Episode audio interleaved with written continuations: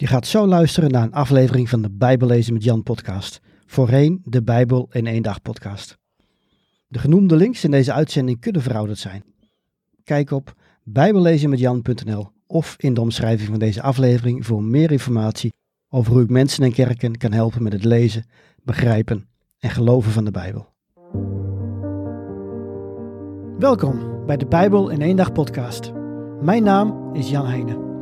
Ik ben auteur van het boek De Bijbel in één dag.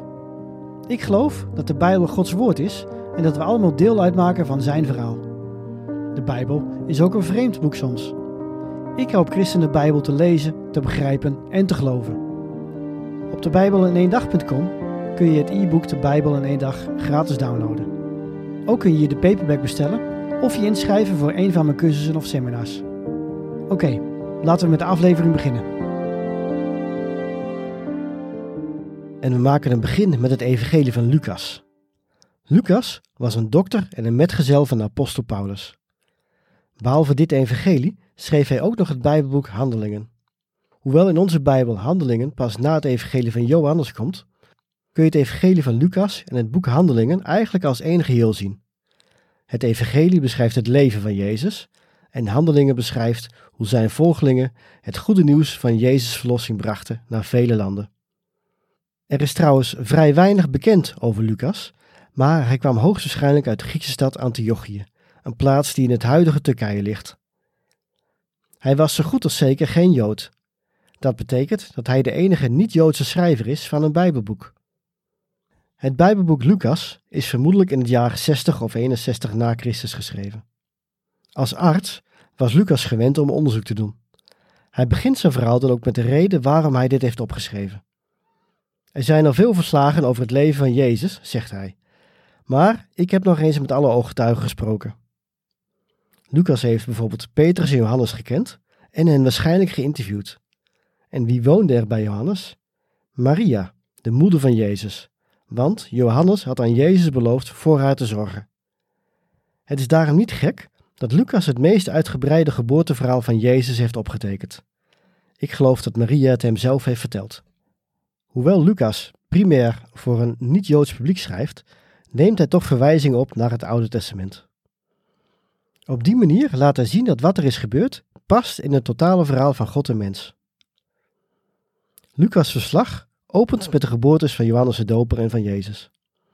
Daarna volgt een stuk over Jezus' bediening in Galilea. Dat stuk eindigt abrupt als Jezus aankondigt dat hij naar Jeruzalem gaat. Vervolgens wordt de laatste week van Jezus beschreven.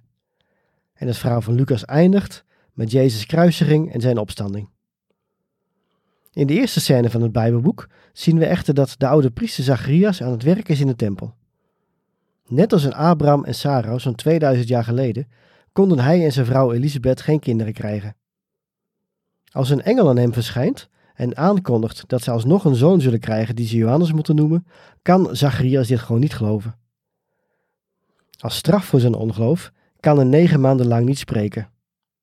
Hoewel, is dit wel echt een straf? Of is het meer een zegen, een periode waarin hij zich kan bezinnen en waarin hij in stilte kan nadenken over zijn geloof, over wie hij denkt dat God is, over wie hij zelf is? Zo kun je deze tekst ook interpreteren. Hoe het ook zij, als Elisabeth zes maanden zwanger is, gaat de engel Gabriel opnieuw op pad. Ditmaal zoekt hij Maria op, een meisje dat waarschijnlijk een jaar of 15 oud was. Ze was verloofd met Jozef, een timmerman uit Nazareth. Omdat ze nog niet zijn getrouwd, hebben ze ook het bed nog niet gedeeld. Toch vertelt de engelaar dat ze zwanger zou worden. Maar niet van Jozef, maar van de Allerhoogste, van God dus. Maria gelooft de engel en vraagt hem, hoe zal dit gebeuren? Door de Heilige Geest, antwoordt de engel. De maagd wordt zwanger, precies zoals voorspeld in Jezaja. De engel vertelt Maria ook dat haar tante Elisabeth inmiddels in verwachting is. Maria gaat naar Elisabeth toe. En als Maria binnenkomt, beweegt Johannes in de buik van zijn moeder en Elisabeth weet ogenblikkelijk dat ook Maria een belangrijk kind draagt. Geïnspireerd door de Heilige Geest zegt Maria een gedicht op. En later, als Elisabeth haar kind baart en haar man weer kan praten, spreekt ook Zacharias profetische woorden. Beide gedichten zitten vol verwijzingen naar het Oude Testament. Ze beschrijven de rollen die de twee jongens spelen in het reddingsplan van God. Johannes is de aangekondigde nieuwe Elia. Hij moet de weg vrijmaken voor het kind van Maria. Maria's kind, Jezus dus, is de Messiaanse koning die is aangekondigd. In hem worden alle beloften die onder meer aan Abraham en David zijn gedaan vervuld. Maar de geboorte van Jezus is nog niet zo makkelijk. Tegen het einde van haar zwangerschap moeten Jozef en Maria zich laten registreren in Bethlehem. Vanwege de afgekondigde volkstelling moesten alle inwoners naar de stad waar hun familie oorspronkelijk vandaan kwam.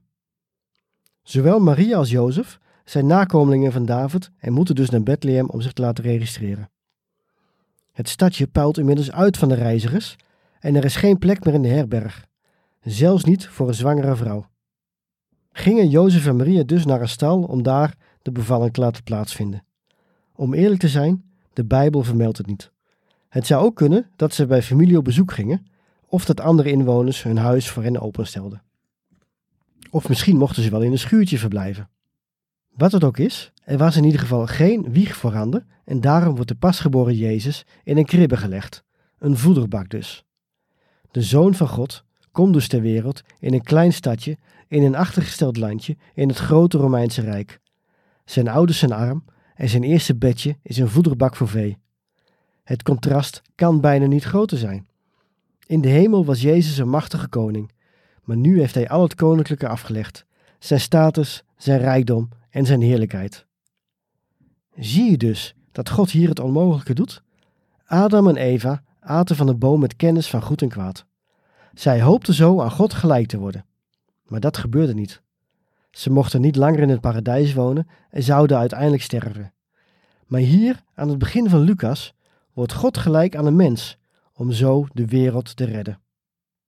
Zelfs Jezus' ouders, Jozef en Maria, kunnen dat nog niet bevatten.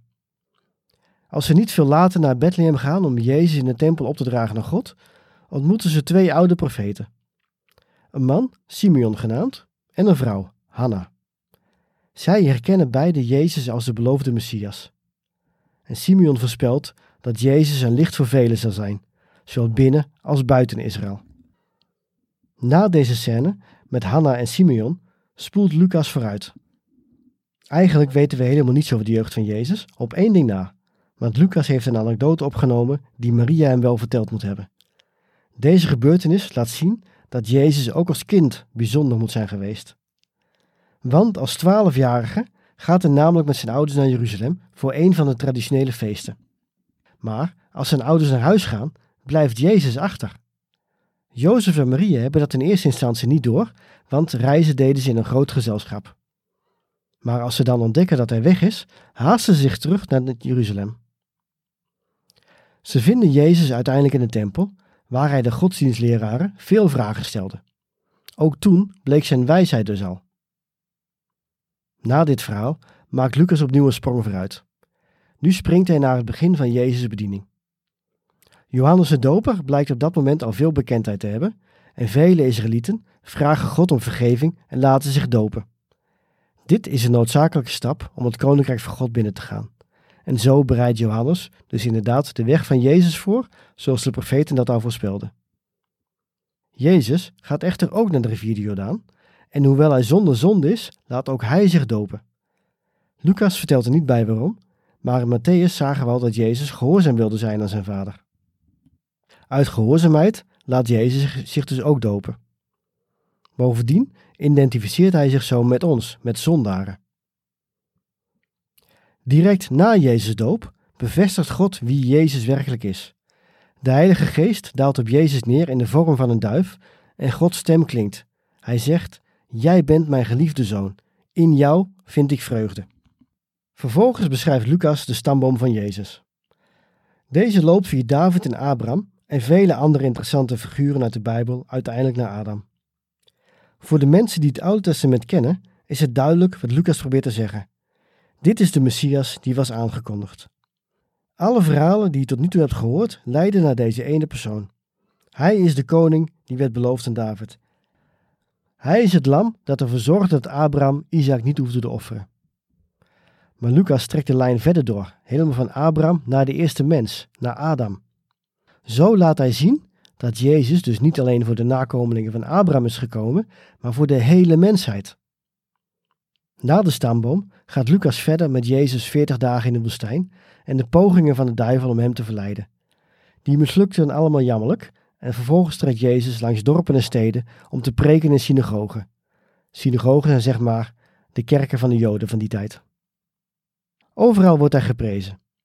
Overal, behalve in de woonplaats van zijn ouders. Ook hier staat hij op om te vertellen dat de woorden van Jezaja in vervulling gegaan zijn. Hij zegt, de geest van de Heer rust op mij, want hij heeft mij gezalfd. Om een armen het goede nieuws te brengen, heeft hij mij gezonden. Om aan gevangenen vrijlating bekend te maken en aan blinden het herstel van hun zicht. Om onderdrukten een vrijheid te geven, om een genadejaar van de Heer uit te roepen. Zo citeert hij dus Jezaja.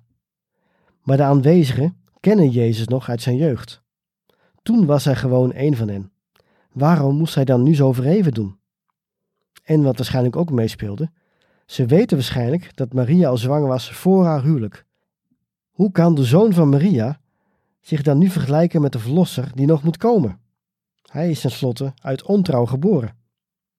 Jezus confronteert zijn stadsgenoten echter met een ongeloof en de menigte wordt kwaad. Ze drijven hem naar de rand van de stad om hem van de berg af te duwen. Dan gebeurt er een wonder. Ze kunnen niet verder en Jezus loopt gewoon tussen hen door weg. Vervolgens beschrijft Lucas hoe Jezus ging wonen in de stad Capernaum. Van daaruit trok hij het land door en ging hij door met zijn onderwijs. Dat onderwijs betekende goed nieuws voor heel veel mensen, maar het stelde mensen ook op de proef en daarom groeide het verzet tegen Jezus, tegen zijn persoon en tegen zijn boodschap. In de volgende aflevering bespreken we hoe dat verder ging.